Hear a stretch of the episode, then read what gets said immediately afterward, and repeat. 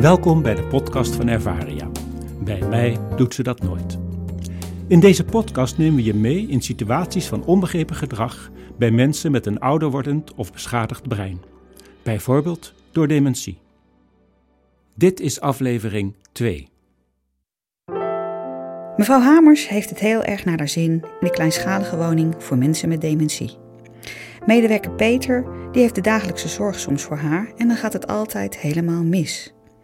Heeft mevrouw Hamers moeite om geholpen te worden door een man?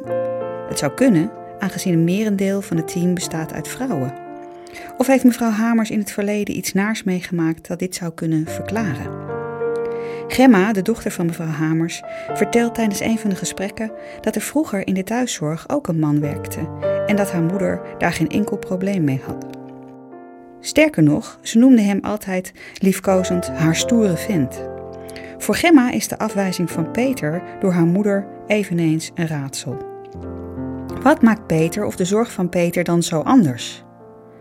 Mevrouw Hamers heeft het al meerdere keren gezegd. Peter die kijkt altijd zo boos.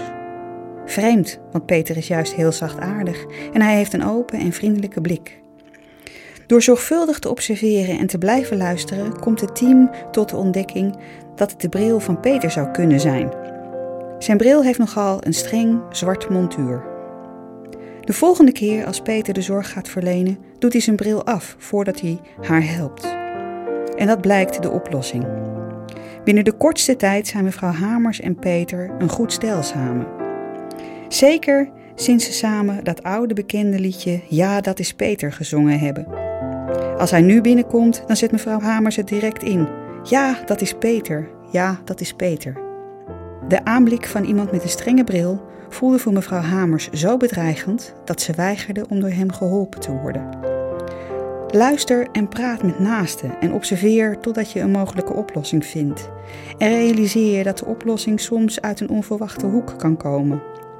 En durf aannames die je misschien op basis van je eigen gedachten doet, los te laten.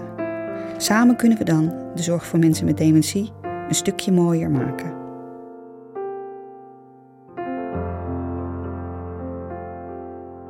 Meer informatie is te vinden in ons boek Bij mij doet ze dat nooit.